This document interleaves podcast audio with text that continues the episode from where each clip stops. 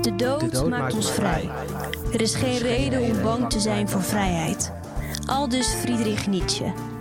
In deze podcast onderzoeken we de vele vragen die we hebben over het einde van ons leven.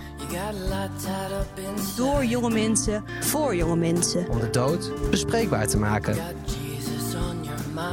Want zelfs in onzekere tijden blijft één ding in het leven altijd zeker. Wat we ook doen, uiteindelijk gaan we allemaal dood. We praten niet alleen over de donkere kanten van de dood, Maar ook de luchtige, grappige en misschien zelfs mooie kant. Welkom bij Over de Dood Gesproken. de podcast waar we het taboe rondom de dood doorbreken. Hallo en welkom bij de allereerste podcast over de dood gesproken. Mijn naam is Job en samen met Rowan gaan we het hebben over allerlei aspecten rondom de dood. Rowan, waar gaan we het eh, allemaal over hebben vandaag? Ja, leuk eh, om hier te zijn, Job. We gaan het vandaag hebben over ehm, dierenbegrafenissen, eh, parapsychologie, rouw en eh, fobieën. Die komen ook langs vandaag. Ja, we hebben een bomvolle podcast. Het gaat, eh, het gaat alle kanten op. Maar eh, in- ja, onze eerste waar we het over gaan hebben. We gaan iedere week gaan we een, ja, iemand in het licht zetten. Iemand portretteren die onlangs is overleden. En eigenlijk kan dat deze week niemand anders zijn dan, dan Paul van Vliet. Ehm, en Rowan heeft een stukje over hem voorbereid. Dus die gaat hij voordragen. Yes. Ik ben niet bang om dood te gaan. Ik ben alleen maar bang voor de manier waarop. Ja goed, het is nog niet zo ver. En als je het niet wilt, daarover praten, dat ik liever stop, dan hou ik er meteen weer over op. Dit is het eerste couplet van Paul van Vliet's Laatste Wens. De Nederlandse cabaretier overleed op 26 april na een kort ziekbed op 87-jarige leeftijd in zijn geboorteplaats Den Haag. Van Vliet richtte in de jaren 60 cabaret Pijn op. Dit was zijn eerste professionele ensemble, dat uiteindelijk uitgroeide tot een kweekvijver voor jong cabarettalent. Onder andere Joep van het Hek, Jochem Meijer en Theo Maassen spelen hier in hun eerste jaren. In de jaren 70 breekt Van Vliet door met zijn komische typetjes zoals Major Kees en Bram van de Commune. De one-man shows van Van Vliet beginnen in 1971 in Scheveningen. Een formule die hij jarenlang zal volhouden. Vele shows vol typetjes volgen, die een groot publiek aanspreken. In die tijd schrijft de cabaretier ook zijn bekendste liedjes, zoals Meisjes van 13 en Veilig Achterop. In 1992 wordt Van Vliet speciaal ambassadeur van UNICEF. In 2001 maakt hij dan ook bekend dat hij stopt met zijn reguliere shows en dat hij zich verder wil gaan inzetten voor het kinderfonds van de Verenigde Naties. Na een paar uitstapjes op de planken staat hij in 2012 toch weer op het podium met zijn one-man show Zondag in Den Haag. Die hij daarop volgende jaren iedere zondagmiddag speelt in de Koninklijke Haagse Schouwburg. Het succes van Zondag in Den Haag wordt voorgezet met een nieuwe zondagmiddagshow, alleen op zondag, die hij tot 2018 blijft spelen. Hoewel hij vermoedelijk nog jarenlang volle zalen had kunnen trekken, besluit hij met toch met pensioen te gaan. Hij wil stoppen op het hoogtepunt. Vragen? Geen vragen, zoals Major Kees zou zeggen. Cabaretier Paul van Vliet. 10 september 1935 tot 26 april 2023. Ja, dat was hem, onze allereerste necrologie. Dankjewel, eh Rowan, voor deze mooie, voor deze mooie bijdrage. Ehm, ja, we gaan het eh, vandaag dus hebben over, eh, over de dood. De dood in al zijn eh, aspecten.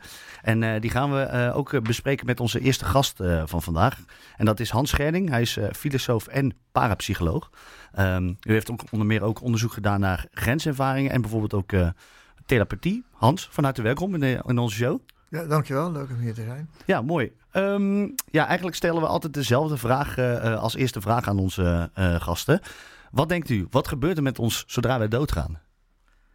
Eh, dan gebeurt er wat we weten eh, uit eh, de vele gerapporteerde bijna doodervaringen. Alleen dan kan je het niet meer navertellen aan de mensen die achterblijven. Dat is wat ik denk. Ja, ja dat is wel jammer eigenlijk ook hè, dat je die na kan vertellen. Dat zou het mooiste zijn.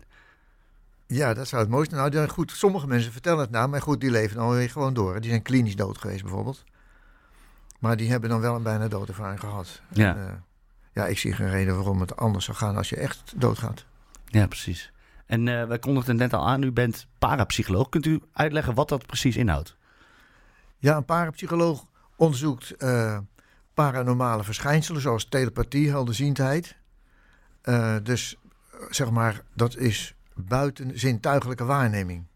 Dus iemand droomt bijvoorbeeld dat iemand overlijdt aan de andere kant van de oceaan. Op een bepaalde manier overlijdt, door een ongeluk bijvoorbeeld. En dan eh, wordt hij een uur later midden in de nacht gebeld. En dan blijkt eh, diegene waar hij dat over gedroomd had... niet alleen te zijn overleden, maar ook precies op de manier zoals hij dat in zijn droom had gezien. En dat is dus buiten zintuigelijke waarneming. En kennelijk eh, is de mens daar ge- gevoelig voor. Ja, heel bijzonder lijkt me dat. Als je dat dan droomt en dat dat dan ook echt gebeurt. Ja, dat is zeker bijzonder. En eh, eh, soms is het ook, heeft een droom ook voorspellende eh, waarde, zeg maar. Dus dan gebeurt dat wel, maar dan bijvoorbeeld een week later. En dat is dan weer heel problematisch voor degene die zoiets gedroomd heeft. Want die voelt zich schuldig aan het overlijden van diegene. Want die dacht, ik heb het toch gezien. Dus, en ik heb niks gedaan. Dus Ja. dat is, er zitten ook allerlei, zeg maar, ja, gewoon psychologische problemen aan vast. Ja, ja heel interessant. En hoe, hoe doet u dan precies onderzoek hiernaar? Wat, wat, ja, hoe, hoe, gaat dat in zijn werk? Ja, dus bij die, bij die ervaringen zoals ik nu, nu vertel, dus dat, hoor je achteraf als onderzoeker. Dus dat heeft wetenschappelijk gezien gewoon geen enkele waarde. Maar eh, daarom willen eh, parapsychologen de boel onder gecontroleerde omstandigheden bekijken. Dus je hebt gewoon een laboratorium waarin je proeven doet die, eh, wa- waar je dus zelf bij bent en die dus eh, data opleveren die statistisch verwerkbaar zijn. Dat is in het kort waar het op neerkomt. En het onderzoek wat ik veel gedaan heb, dat is Gansveld-onderzoek. En Gansveld betekent egaal veld. Dus iemand ligt op een bed, heeft twee halve pingpongballen over zijn ogen met rood licht erboven. Die ziet een egaal rood. Hij heeft een koptelefoon op met witte ruis, dus hoor je de hele tijd. Dus ook egaal. En dan kom je in, zeg maar, op een kunstmatige manier in een lichte trance. En de afspraak van tevoren is dat je alles wat je voor je geestesoog ziet verschijnen, dat je dat uitspreekt. Dus dat begint met, eh, ik moet nog die en die boodschappen doen straks, niet vergeten. Maar goed, het gaat steeds verder. En er komen allerlei beelden, soort half droomachtige beelden komen. En dit moet je allemaal uitspreken. Terwijl je dat doet, is in een andere kamer, zit iemand naar een plaat te kijken. En dat is een foto van, kan van alles en nog wat zijn. Hè, dus een foto van een racewagen of van een fruitschaal of van een, weet ik, het maakt niet uit wat. En dat laten bovenkomen van die beelden, door die man met die, die met die pingpongballen daar ligt, eh, dat duurt precies een half uur. En na een half uur eh, wordt hij uit die kamer gehaald. Er liggen dan vier platen op een tafel. En één van die platen is bekeken. Terwijl hij dus die beelden kreeg. En dan moet hij aanwijzen op basis van wat hij voor zijn geestesoog gezien heeft, welke dat is. En om een lang verhaal kort te maken, eh, je hebt een kans van 25%, want er liggen vier platen. En bij eh, deze experimenten eh, komt het erop neer dat niet 1 op de 4 wordt goed geraden, maar 1 op de 3. En dat is, eh, klinkt niet zo spectaculair, maar dat is astronomisch significant, omdat het gaat om duizenden van dit soort eh, trials, zeg maar. Ja, dus er zijn echt heel veel van deze experimenten gedaan. En zijn eigenlijk komen ze. Ja, de, de, de- ja de, de uitslag is bijna altijd. Of in ieder geval dus 33% Dat is echt wel een groot, eh, een groot gedeelte dan. Als je, als je dat van tevoren bekijkt. Ja, Ja. Ja. Ja, dus en- er is aan de hand wat we niet begrijpen. En Ja. Dus, ja, dat zou dus telepathie kunnen zijn. Hè? Ja, ja, ja, precies. En, en u had het al over hè, de- dat mensen die dingen, eh, eh, dingen gaan zien en eh, dat moeten ze opnoemen. Wat, wat, ja, u werkt zelf ook met een psycho, en dan ga ik het even goed uitspreken hoor, psychomanteum. Dat klopt hè? Dat is ook Ja. een, een soort van situatie waarin mensen dus dingen gaan zien. Kunt u kort uitleggen wat zo'n psychomanteum precies is? Ja, een, ehm, een, in één woord gezegd, het is spiegelstaren. Dus, en waarom doe je dat? Ehm, het, het gaat om een interventie in een rouwproces. Dus we weten dat mensen die in een rouwproces zitten, eh, spontaan eh, verschijningen gaan zien in dromen of overdag of alle mogelijke manieren. Rapporteren mensen in de rouw, dus dat ze verschijningen van een overleden dierbare zien. Het blijkt dat die eh, ervaringen heel troostend zijn voor mensen. Ehm, maar niet iedereen eh, heeft zo'n zo'n ervaring. En nou is dat spiegelstaren is ontwikkeld om eh, zo'n ervaring een beetje te provoceren. Dus je gaat daar zitten met de bedoeling dat in die spiegel die overleden dierbare verschijnt. En De situatie is zo. ehm, je moet je voorstellen een heel klein kamertje. wat ongeveer, zeg maar een grote douchecel. Daar staat een, een gemakkelijke stoel. Daar gaat iemand in zitten. Eh, na de juiste voorbereiding, kan er straks nog wat over zeggen. Maar na de juiste voorbereiding ga je daar eh, uiteindelijk daar in die stoel zitten. En eh, dat kamertje is helemaal donker. Er hangt zwart fluweel. En er is er brandt een heel zwak lichtje. En die spiegel die hangt vlak voor je.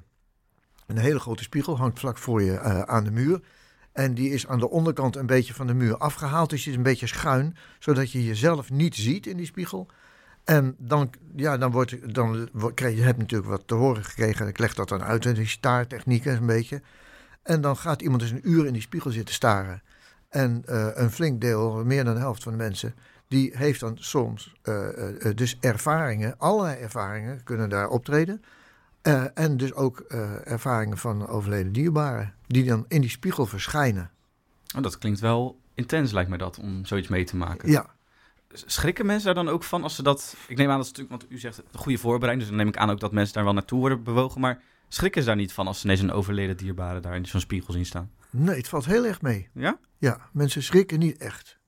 En wat voor reacties ziet u dan wel bij die... eh, Nou ja, de hele verschillende soorten reacties. Hè. Dus mensen eh, ehm, eh, doen dat bijvoorbeeld als ze een soort van unfinished business hebben met degene die is overleden.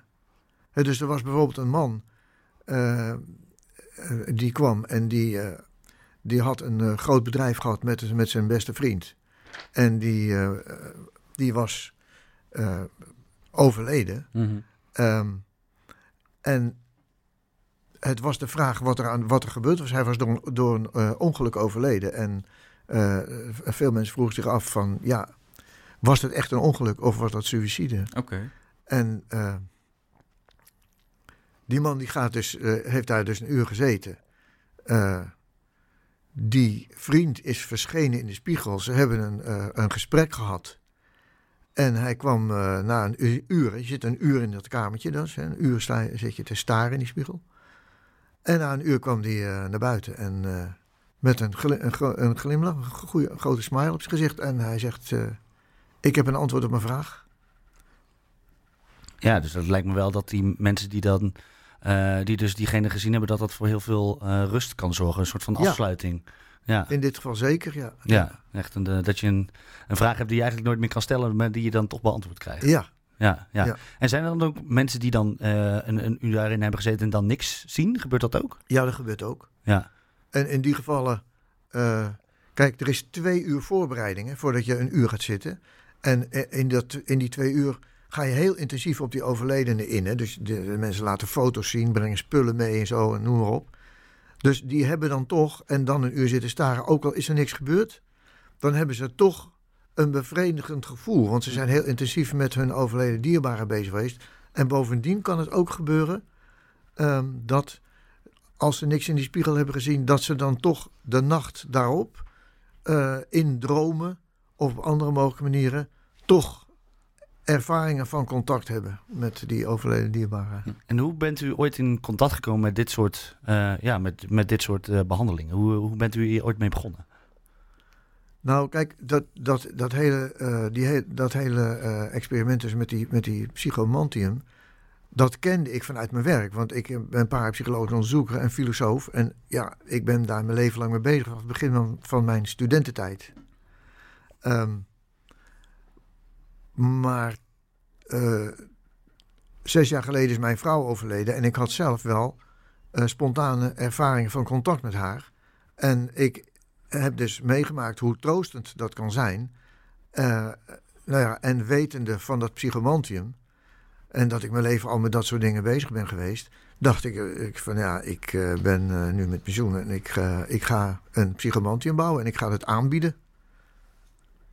En zo is dat gekomen, zeg maar. Ja, en heeft u er zelf ook wel eh, eh, zelf van het psychomanteum gebruik gemaakt dan, of dat, eh, of dat niet? Ja, zeker. Ik heb er zelf ook in gezeten. Ik zit daar regelmatig in. Ik, niet, niet steeds om nou uh, alsmaar contact met mijn vrouw te proberen te krijgen, maar ik zit er ook wel een beetje te mediteren en zo. Maar uh, het is dus voornamelijk bedoeld om uh, andere mensen in de gelegenheid te stellen zo'n uh, contactervaring te beleven. Ja, mooi. Toch? Ja. Lijkt mij, ja, het lijkt mij het eh, willen doen. Ja, ik, ik, twijfel, ik, ik twijfel een beetje. Want het lijkt me aan de ene Ik moet ook zeggen, ik eh, heb het geluk dat ik nog niet heel veel overleden dierbaren heb. Ehm, dus de enige die ik eigenlijk daar zou willen spreken, eh, zou kunnen spreken, zou mijn opa zijn. Ehm, en ik moet zeggen, ik heb nu niet echt zo- zo'n vraag die bij mij op zou komen van, om met hem te bespreken. Maar aan de andere kant lijkt het me wel heel mooi om. eh, ik kan het wel heel erg begrijpen van als je die. Eh, ja, als je nog zo'n vraag hebt die onbeantwoord is, dat dat heel veel troost en ook een beetje afsluiting kan bieden, zeg maar. En, en jij, eh Roland? Ken je? Ik kan me daar wel in vinden wat jij zegt, maar het lijkt me ook wel, eh, ja, wat ik net eigenlijk ook een beetje aan Hans vroeg, van, het lijkt mij wel heel erg intens. Ehm, om ineens zo, nou ja, toch contact te hebben met iemand waar je veel van houdt. En dat hij dan toch ineens ja, achter je staat of ineens kan zien. Dat, Ja, het is heel intens. Ja. Dat is absoluut waar. Het is een heel existentiële ervaring. En dat, dat is dus met, met het staren in die spiegel het geval. Maar natuurlijk ook als je eh, eh, gewoon spontaan, hè, je, je bent, eh, het gaat vooral, dus de heftige gevallen, hè, dus dat is dan of je partner of je kind. Dat is toch wel het ergste. ja, En ja, dus die kan, die kan je dus ook spontaan in droom zien. En dat is, dat is even heftig. Dat is ja, even heftig en, en ook troostend. Ja. ja. Ja, mooi. Ja, ik vind het een eh, interessant verhaal. Hans, eh, hartelijk bedankt.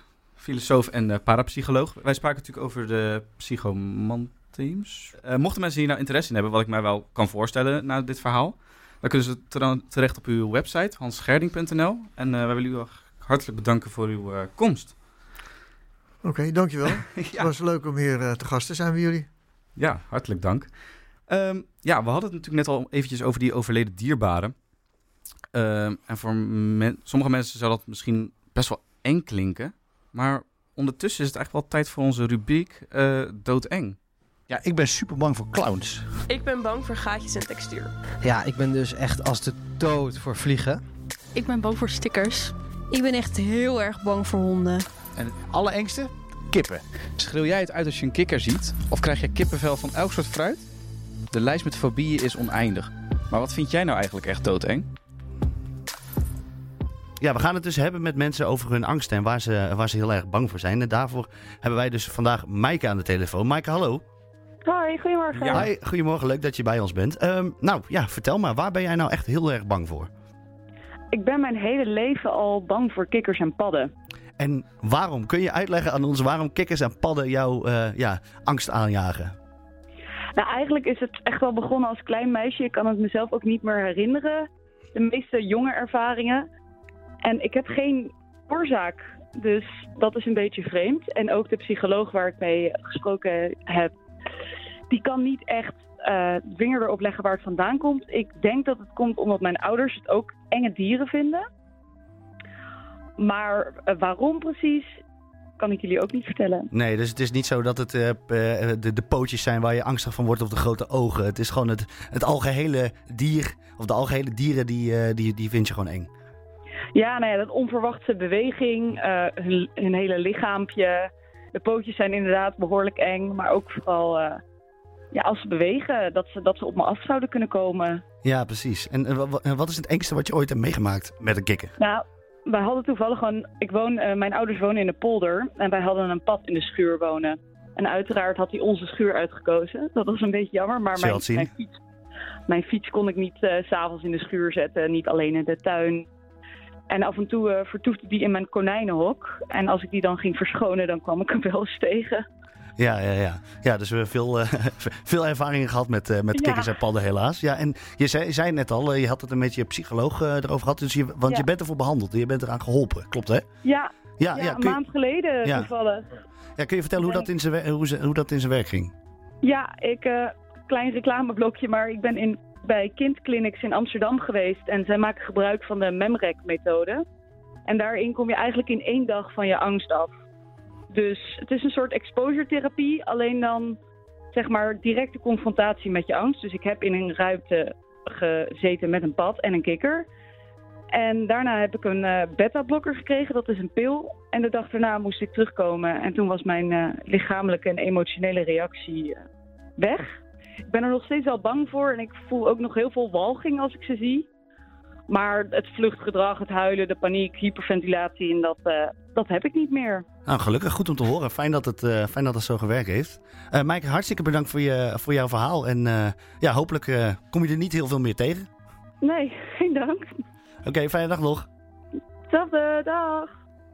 Ja, wat een verhaal, hè? Dat toch echt die, eh, die kikkers. Dat is toch echt zo... eh, Ja, het blijft een, blijft een grappig iets, eh, inderdaad. Angsten. Ja, Ja. dat je daar zo... eh, nou ja, maar fijn dat ze er af, vanaf is. Dat Ja, eh, lijkt mij weten. heel erg prettig. Ja, ja, ja. Maar Maaike die is dus bang voor kikkers. Ehm, maar ja, een kikker... Ik zou niet heel erg verdrietig zijn als hij overlijdt. Nee. Behalve als je natuurlijk een hele sterke band hebt met, met die kikker. Maar stel nou dat een huisdier van jou overlijdt. ehm, zou je hem dan bijvoorbeeld in je achtertuin begraven? Of ehm, ja, wat, wat, wat kan je er anders mee doen? Ik weet wel dat steeds meer mensen kiezen om eh, een huisdier een waardig afscheid te geven. Een beetje zoals een afscheid van een, een mens. Eh, en redacteur Nick die ging daarom een kijkje nemen bij het uit, een uitvaartcentrum dat speciaal is voor huisdieren. En ging langs bij familie Kramer, want zij verloren een maand geleden hun Franse bulldog genaamd Patser. Wat? Wil je deze? Wil je deze? Pak hem. We hebben hier in de kast hebben we een eh, fotolijstje staan eh, van onze hond Patser. Hebben hem volgens mij vier weken geleden nu ingeslapen. Eh, Franse bulldog. Hij is eh 12,5 jaar geworden. Bij het fotolijstje hebben we dan een potje waar zijn as in zit. En een, een bakje met een beetje van zijn vacht en zijn pootafdruk. Een hond, kat, hamster of vogel in huis. Dat is natuurlijk super gezellig. Maar wat nou als jouw vrolijke viervoeter komt te overlijden? Tegenwoordig wordt dit afscheid steeds uitgebreider aangepakt. Daarover horen we straks ook meer van Wessel en zijn hond Patser. Maar eerst ga ik langs Sebastiaan. Want hij is namelijk de eigenaar van een uitvaartcentrum speciaal voor huisdieren. Want Sebastiaan, hoe verloopt zo'n afscheidsproces voor huisdieren nou eigenlijk? Nou, het kan zijn dat eh, mensen eh, zelf hun diertje willen brengen. Eh, als mensen dan hun diertje hier komen brengen, dan eh, verzorgen we dat de hond, kat of wat voor diertje het dan ook is, bij ons netjes op de opbaartafel eh, wordt neergelegd. Zodat mensen in alle rust afscheid kunnen nemen. Dan nemen we eigenlijk alle wensen door, wat de mensen precies willen, wat voor crematie ze willen. Dat kan zijn een individuele crematie, dat het diertje alleen gecremeerd wordt en zodat de mensen de as terug kunnen krijgen in bijvoorbeeld een strooiblikje of in een urntje. Het kan ook zijn een gezamenlijke crematie. Eh, bij de gezamenlijke crematie eh, strooien wij dan de as uit. Eh, en dan gaan wij ehm, eh, op een later tijdstip voor de crematie zorgen. Sommige mensen willen ook bij de crematie bijvoorbeeld aanwezig zijn. Eh, dat kan dan ook. Hè. Dan maken we daar een speciaal een afspraak voor dat de mensen nog e- ook voor de crematie nog even afscheid kunnen nemen. En dan ook mee kunnen lopen eh, naar ja, de crematieruimte. En daar ook het laatste, het laatste stukje kunnen doen. Ehm, maar bijvoorbeeld ook ja, dingen zoals een, een pootafdrukje. Ja, er zijn eigenlijk wel ja, er zijn eigenlijk heel veel dingen mogelijk. En dat er dan zoveel dingen mogelijk zijn, daar is Wessel en zijn familie natuurlijk heel blij mee. Zo kunnen zij hun overleden hond Patser toch nog dichtbij houden. Ja, het was wel echt een deel van de familie. Ook omdat nou ja, ik en mijn broertje en zusje zijn met hem opgegroeid. We waren echt, nou, hoe oud was ik? Volgens mij zeven. Hij was altijd gewoon heel erg lief voor ons. Het, echt gewoon, ja, je draagt hem mee in zoveel jaren van je leven. Dus het, het gaf gewoon een heel fijn gevoel om, om hem hierin te slapen en dan daarna weg te brengen. En dan te zien waar, waar eigenlijk het, het laatste stukje gebeurt. Ja, ik vind het wel een mooi verhaal. Want ik eh, moet zeggen, ik heb zelf ook een katje, Mhm. Rossi. Eh, ik, heb het, ik heb hem zelfs geboren zien worden. Dus inderdaad, het is zo'n onderdeel van je, van, je, van je familie. En om, de, om hem dan zo'n mooi plekje te kunnen geven... of om hem do- toch altijd nog overal mee naartoe te nemen... ik moet zeggen dat dat mij ook wel, eh, wel aanspreekt. Spreekt jou aan, hè? Ja, ja, ik zeker. zag ja. jou een beetje op kijken. Ik dacht van, volgens mij ja, ja, weet ja. hij wat. Ja, ja, ja. Nee, hij is gelukkig nog maar drie. Dus Oh, nou. het- als het goed is, duurt het nog Wou even voordat hij doodgaat. Maar ik ben blij dat dit er is. Dan ga Ja. je nog een keer die repo van Nick luisteren en denk je van... Ja, ja, precies. Ja. Oké, maar dan is het dus wel weer tijd na deze mooie repo van Nick... eh, voor onze tweede gast van vandaag. En wij zijn ontzettend blij dat deze talentvolle schrijfster nog een gaatje heeft in de agenda voor ons. Eh, want haar debuutroman, eh 821 mensen die er ook te doen... is een verzameling van poëtische portretten... en werd meteen genomineerd voor een bronzen L. Eh, de roman raakte een diep thema, of raakte een diep thema als de dood, verlies en rouw. Haar schrijfstijl wordt gekarakteriseerd als raadselachtig, filosofisch en ingetogen. Zowel in haar persoonlijke leven als in haar auteurschap schuld ze niet om thema's van, eh, thema's van het leven niet. Ehm, nou, welkom eh, Anna van der Kruis. Fijn dat je er bent. Eh, we zijn enorm benieuwd naar je perspectief op de dood natuurlijk, want daar hebben we het vandaag over.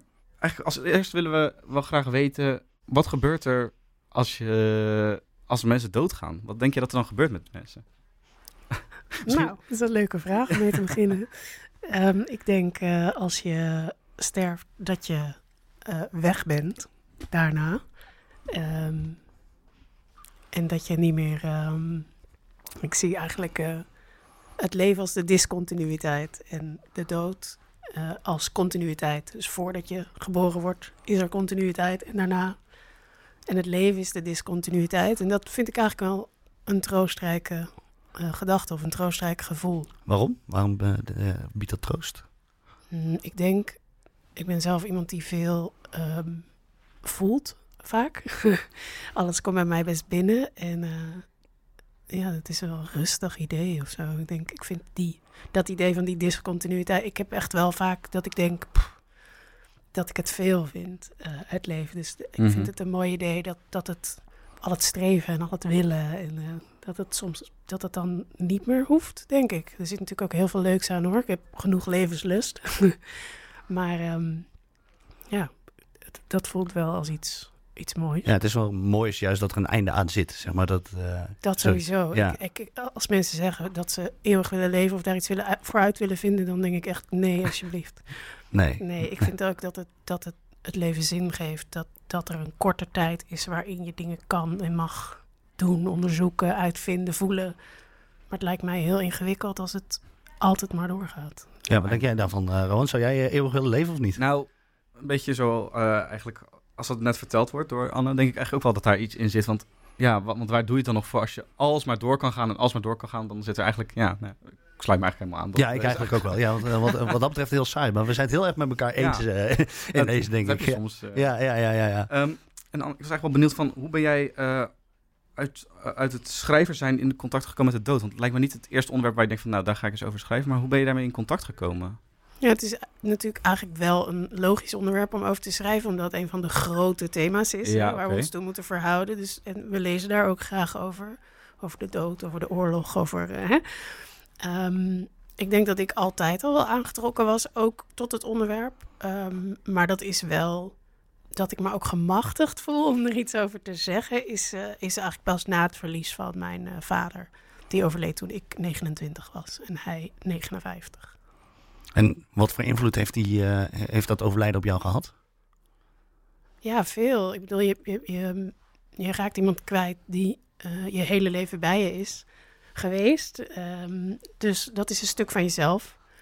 En um, ja, het is ook je ouders wil je toch je hele leven, daar wil je het goed voor doen of zo. Die wil je mm-hmm. een beetje pleasen. Of, of hè, je wil graag uh, dat ze je zien en, en dat ze trots op je zijn. Dus het is ook lastig als zo iemand wegvalt. Om dan te kijken van hoe je daar dan zelf in, in stuurt of zo. Wat je eigenlijk voor jezelf wil doen. En ja, het is gewoon pittig ook dat je niet meer kan zeggen. Ja, wil jij even zeggen hoe het moet? Ja, en is het dan ook. Heb je het idee dat je met je vader te weinig tijd had om te laten zien wat je allemaal hebt gedaan? Of, uh, of dat niet? Nee, dat heb ik dan weer niet. Ik kan, wel, ik kan me wel goed overgeven aan uh, waar het stopt. Ook bij andere mensen die ik ben verloren. Ik, ik, ben niet zo van, oh, het was te vroeg of te snel. Of hij was te jong. Of, of um, ik denk wel, toen, ik dacht toen, vond ik 29 al best oud. In de zin van, ik heb heel veel tijd met mijn vader gehad. Mm-hmm. Nu denk ik wel, ik ben nu 12,5 jaar verder. Denk, goh, ja, ik was eigenlijk best wel jong. Ik had het echt leuk gevonden als hij nog uh, heel veel van mijn werk had kunnen zien en lezen. En um, ja, ik stond eigenlijk nog zo in het begin. Ik heb eigenlijk, er is alweer een half leven voorbij waar hij geen onderdeel van is. En, en dus ik vind het achteraf gezien, vind ik mezelf best jong. Maar ook dat, ja, ik hield mezelf steeds voor. Ik heb ook vrienden die op hun dertiende hun ouders verloren. Dus ik dacht, ik, ik ben dankbaar voor wat ik wel heb gehad. Ja, we hadden net een uh, gesprek met de, met de parapsycholoog. Um, lijkt zo'n zo behandeling, lijkt jou dat wat? Om dan misschien toch nog wat dingen tegen je, met je vader te kunnen bespreken? Of, of spreekt dat je niet zo aan? Ja, ik denk eigenlijk dat ik uh, op die manier mijn werk een beetje gebruik. Ik heb zitten meeluisteren. Ik vond het wel grappig. Schrijven is eigenlijk best vergelijkbaar, denk ik. Omdat je op eenzelfde manier in een soort meditatieve staat komt... waarin je ergens kan komen waar je in je bewuste dagelijks leven gewoon niet bent. Dus je gaat altijd ook zoeken naar iets um, iets buiten jezelf bijna, waar je dan ruimte voor maakt. Dus um, in die zin vond ik dat wel grappig. Ik dacht, ik, ik, ik voel deze wel, mm -hmm. maar ik hoef dat niet per se met iemand die dat dan... Ik doe dat wel zelf, Oké, okay. een soort van zelftherapie daarin. Uh, ja. ja. Um, volgens mij was het niet de enige uh, link die je met dood had. Volgens mij heeft u, of heb je ook voor uh, 113 gewerkt als vrijwilliger. Ja, klopt. Um, heeft dat je perspectief eigenlijk veranderd op leven en dood? Nou, ik denk wel dat ik, voordat ik uh, vrijwilliger werd voor 1 in 3 online, dat ik um, de zelfgekozen dood misschien iets meer als zelfgekozen zag, als, als filosofisch gezien zelfgekozen. Ik denk dat de realiteit wel leert dat bijna iedereen die suïcide pleegt, um, eigenlijk uh, twijfelt of ze dat willen doen. En ook dat bijna iedereen um, ja, uh, ziek is, zeg maar. Dat vind ik eigenlijk vervelend, want ik wil iedereen uh, de, de autonomie gunnen om die keuze te maken. Maar je ziet toch wel dat het, dat het toch wel vaak te maken heeft met een bepaalde tunnel, met een bepaalde vernauwing, met, met depressie. Met, en, en dat mensen eigenlijk daar ook uit kunnen komen met goede hulp en, en dan heel blij zijn. Maar goed, dat kun je niet meer zien op dat moment. Dus ik denk dat ik er voorheen wel wat romantischer over dacht, ergens. Ja. Ja. Maar dat is wel een beetje weg, dat romantische. Ja, ik gun het niemand om alleen te sterven. Nee. Dat is gewoon, uh, het is gewoon heel jammer als je echt denkt dat je alleen bent. En die ervaring ken ik wel. Dat, dat is heel menselijk om, om ergens zelf in je mm. eentje mee te blijven zitten. Maar eigenlijk ben je zelden uniek in wat je voelt in die zin. Er is veel meer begrip dan je zou denken. Um, en ben je dus, denk je, die mensen die je dan spreekt op zo'n dag, ga je die dan ook beter begrijpen? Of, of um, want je zegt het, het geromantiseerd beeld is wel weg, maar snap je ze wel? Zeg maar, snap je dat het de, voor hun misschien de enige uitweg voelt? Zeg ja, maar? zeker. Ja, absoluut. Tuurlijk, dat, dan stoppen de problemen. Dus niemand wil daadwerkelijk dood, maar mensen willen dat dat, dat leven waarin ze geen grip ervaren, dat dat stopt. En um, ja, dat snap ik heel goed, dat je denkt, ja, dat, dat komt bijna overeen met hoe wij begonnen net. Hè, dat je verlangt naar, naar rust. Ja, dat snap ik heel goed. En um, ja, dan is het gewoon zaak om te kijken... hoe kom je de eerste paar minuten door? Hoe kom je het Hm. eerste uur door? Hoe kom je de eerste dag door? En, en hopelijk komt iemand weer op een punt... waarin ook weer ruimte is voor plezier. Ja. Ja. Want ik heb ook wel het idee dat er best wel veel taboe uh, rust op het hele onderwerp. Op suïcide bedoel je? Uh, ook, maar ook gewoon over de dood. Dat, dat daar ook amper over wordt gesproken. Ook mensen die zich zo voelen, dat, ze daar ook, dat er niet echt ruimte is in onze samenleving om het daarover te hebben.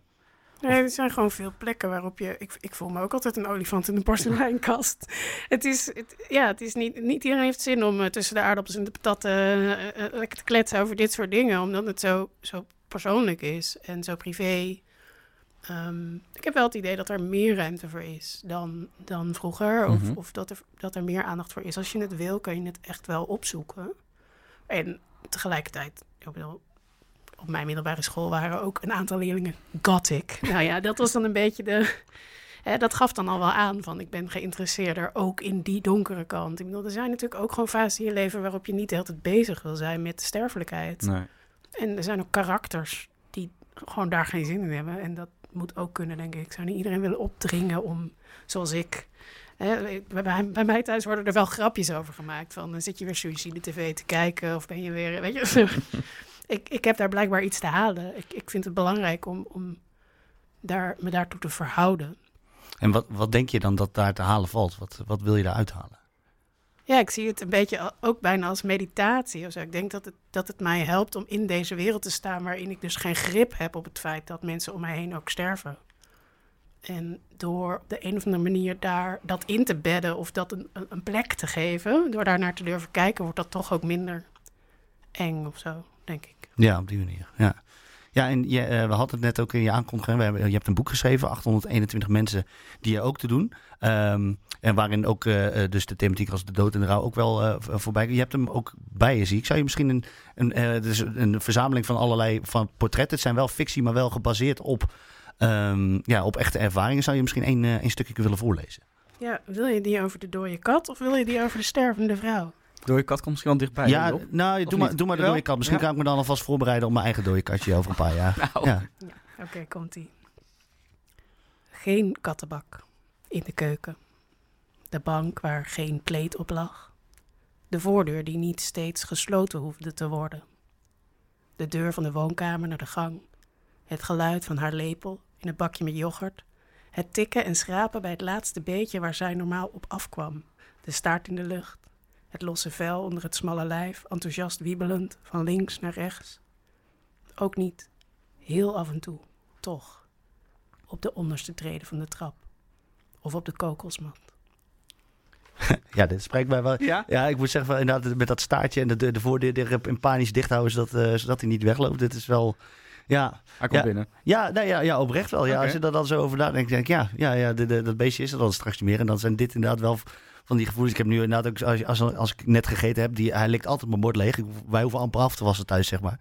Maar ja, er gaat een moment komen dat dat niet meer, dat Nee. niet meer nodig is. Ehm, ja, want je, je haalt, eh, je- de- de- het zijn fictieverhalen, maar je haalt je inspiratie wel uit... wa- ja, echt gebeurde ehm, situatie. Hoe, hoe doe je dat? Wat, wat- ja, wat neem je vanuit bepaalde situaties mee? Ja, dit is bijvoorbeeld een, een kleine ode aan inderdaad mijn eigen kat, die drie jaar geleden overleden is. Die echt met mij eh, in de studententijd soort van is mee opgegroeid. Mee eh, koekjes en chips in bed en eh, later aan mijn kraambed gezeten. En gewoon de hele stretch, alles meegemaakt. En ehm, het is ook een variatie op een, op een gedicht van eh Zimbraska, Kat in de lege woning. Dat zou ik iedereen aanraden om op te zoeken, is prachtig. Ehm, dus dit komt dan uit iets wat heel dicht bij mij ligt. Eh, er zitten ook fragmenten in die ik gebaseerd heb op ehm, een artikel in de Volkskrant Magazine, op een uitzending van televisie over PTSS. Ehm, ik heb ook mensen geïnterviewd, omdat ik het heel belangrijk vond dat het niet alleen over mijn eigen ervaring van eenzaamheid en rouw ging. Ehm, en ja, als, ik ben opgeleid als toneelschrijver, dus ik weet wel hoe ik details moet vinden die de personages echt maken. dus eh, ja, er zitten ook, eh, er zitten ook eh, personages in die gebaseerd zijn op gesprekken die ik gevoerd heb. Ja, ja, mooi. Ik vind het, eh, ik heb dan geen kat, maar ik, ik kan wel die emotie voelen die in dat eh, stukje tekst zit. Ja, nee, mooi. Ja, mooi omdat, hoe dat dan toch inderdaad ook mensen, inderdaad, ook, al heb je er niet specifiek iets mee, dat het je, dat het je toch altijd, eh, altijd aan kan spreken. Ja. ja. En we hebben ook nog een laatste vraag die eh, wij graag aan iedereen zouden willen stellen. Eh, en dat is eigenlijk een beetje een vraag van, stel dat je er straks niet meer bent. Misschien niet zo leuk om over na te denken, maar stel je voor. Wat hoop je dan dat er over jou wordt gezegd? Of waar mensen nog aan denken? Ja, ik hoop gewoon dat ik er, dat ik er gewoon af en toe ben. In, in, in, in, net zoals je dus aan de kat denkt als je je bakje yoghurt eh, leeg eet. Weet je, soort dat geluid. En dan is ze er weer even. Of, ik denk dat je niet kan kiezen hoe mensen je zullen herinneren. Dus waarschijnlijk aan dingen die ik zelf gênant vind. Eh, en dat vind ik prima. Als het maar, als het maar liefdevol of, levendig is. Of ehm, ja, als het, als het maar troostrijk is. Dat ik op de een of andere manier blijf verschijnen. dat hoop ik natuurlijk. Dat ik, eh, ja, er zijn voldoende mensen om mij heen waarvan ik denk, oh god, als jij er straks niet meer bent, dan ben je er in alles. Want hè, gewoon in die details, denk ik. Dus niet zozeer de grote, belangrijke thema's, maar veel meer gewoon het persoonlijke. Ja, dat lijkt me een hele mooie om, eh, om mee af te sluiten. Anna, heel erg eh, bedankt voor je tijd. Eh, ja, je, je boek 821 mensen die je ook te doen ligt nog steeds in de boekhandels. dus mochten mensen geïnspireerd zijn geraakt door dit, door dit mooie verhaal, dan ja, kunnen ze die nog overal, overal krijgen. En ook op je site Echt Anna kunnen mensen terecht voor. Daar staan ook verschillende portretten en, die jij hebt geschreven. Dus eh, ehm, ja, er is nog genoeg voor jou te vinden, vinden op internet. Ehm, ja, nogmaals bedankt voor je komst en heel veel succes ook nog met je, ja, met je schrijfwerk. Dankjewel. Yes, ja, dan zijn we eigenlijk alweer bijna aan het einde van onze podcast. Ik vind dat het wel snel gaat, Job. Ja, ja time flies when you're having fun. Ja, Het is een cliché, maar clichés zijn niet voor niks clichés. Toch having fun met de dood. Ja, precies. Ja, Ehm, nou, dus, maar we zijn nog niet helemaal, want we hebben nog een eh, rubriekje. En dat is de, de uitreiking van de Darwin Award. Want iedere week bespreken wij iemand die op wel een hele bijzondere, of een onnozele, of misschien zelfs wel een domme manier is doodgegaan. En eh, Job, wie krijgt deze prijs deze week? Ja, deze week. ehm, we gaan even terug naar het jaar 2002. En we bevinden ons in een klein eh, Wallonisch gehuchtje vlakbij de stad Charleroi. En hier wordt namelijk onze gelukkige winnaar Louis Ditty. Ehm, Louis is een teruggetrokken gepensioneerde ingenieur die, in, die totaal vervreemd is geraakt van zijn familie, waaronder maar liefst 14 kinderen. Eh, ja, je moet haast wel een vreemde of een nare man zijn als je alle 14 je kinderen je niet meer willen zien. Ehm, dat bleek voor Louis ook een understatement toen men erachter kwam wat voor kwaadaardig plan hij had bedacht om wraak te nemen op zijn familieleden die hem in de steek hadden gelaten. Zijn huis bleek bezaaid met meer dan 20 booby traps die, die de ingenieur zelf had gebouwd. Uiteindelijk kostte het bomexperts van de politie wel drie weken om al die booby traps te ontmantelen. Ehm, onder de dodelijke valstrikken waren een schijnbaar onschuldige maar dodelijke stapel borden, eh, verborgen vuurwapens die afgingen bij het aanraken van verschillende objecten en zelfs een ontploffend kratje bier. Ehm, hoe de politie achter deze kwade intenties kwam, dat hoor ik je afvragen. Nou, bij aan het rommelen van een van zijn eigen booby traps maakte Louis een fatale fout. Ehm, de politie vermoedt dat hij was vergeten een apparaat wat werd geactiveerd bij het verplaatsen van een soepterrine in de servieskas. Die was hij dus vergeten uit te schakelen. Ehm, daardoor werd de man getrakteerd op een schot hagel in zijn eigen gezicht met uiteindelijk een dodelijke afloop. Je zou kunnen zeggen dat het leven hem dus een eh, flink portie karma heeft geserveerd. En zoals ze zeggen, wie een kuil gaaft voor een ander, valt er zelf in. En daarom krijgt Louis deze week van ons de Darwin Award. Ja, nou en eh, terecht lijkt mij toch? Eh, Ja, lijkt mij ook wel, Ik kan ja. er niks, eh, niks anders van maken. Ja, ja. En, zonder, en zonder van het kratje. Ja, ik, dat kratje bier, dat doet mij net zoals die verhaal over mijn kat. Net zo'n ontploffend kratje bier, dat doet mij ook wel wat. Ja. Ja. Ehm, ja, en dan zijn we nu toch wel echt aan het einde gekomen hè? Van de podcast. Dus ja, vandaag hebben we dus de eerste aflevering van Over de Dood gesproken gedaan. Eh, vandaag gaat het over meer over doodsangst voor kikkers. We spraken met Hans Gerding, Anna van der Kruis over de dood. En we brachten een ode aan de onlangs overleden cabaretier Paul van Vliet. Vond je dit nou wat? Deel de podcast dan eh, vooral met je vrienden en op de socials. Ja, en op 26 mei komt er weer een nieuwe podcast van Over de Dood gesproken online.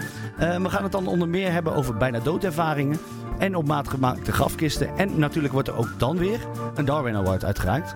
Graag tot dan.